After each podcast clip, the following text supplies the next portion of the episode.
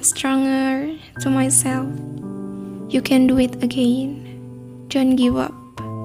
Start your success, your life, and all your plate in a moment. February 6 for me. Itu semacam kayak a whole month berduka untuk diri saya sendiri. Gimana enggak? Di bulan Februari, itu aku dua kali sakit berterusan. Pokoknya nggak bisa ngapa-ngapain selain ngurung diri di kamar. Rebahan full, dan yang paling parah sih pas di sentri. Itu di awal bulan sampai pertengahan bulan. Itu kayak bener-bener semacam penyiksaan diri sih buat aku. And then, nggak berhenti sampai di situ sakitnya. Kena flu, batuk, pilek, demam semalaman, dan belum bisa dibilang sembuh total sampai awal Maret. Itu kayak masih batuk-batuk kecil, tapi nyebelin.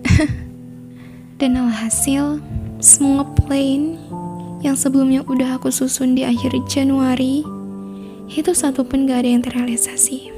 Mulai dari belasan list lomba, rencana buat ngerjain laporan sempro yang sampai hari ini masih progresnya minim banget, dan yang terakhir itu usik bisu terbengkalai.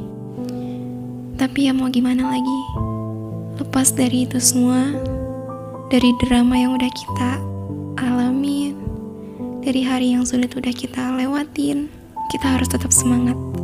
Dan jangan pernah capek buat dorong diri kita ngelakuin hal yang lebih baik lagi. Lakuin apa yang pengen kita lakuin. Yang udah jadi target tujuan hidup kita.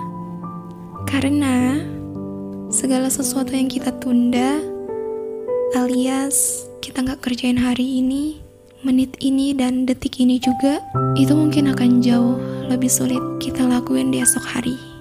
Bahkan nggak bisa kita lakuin sedikit pun untuk selamanya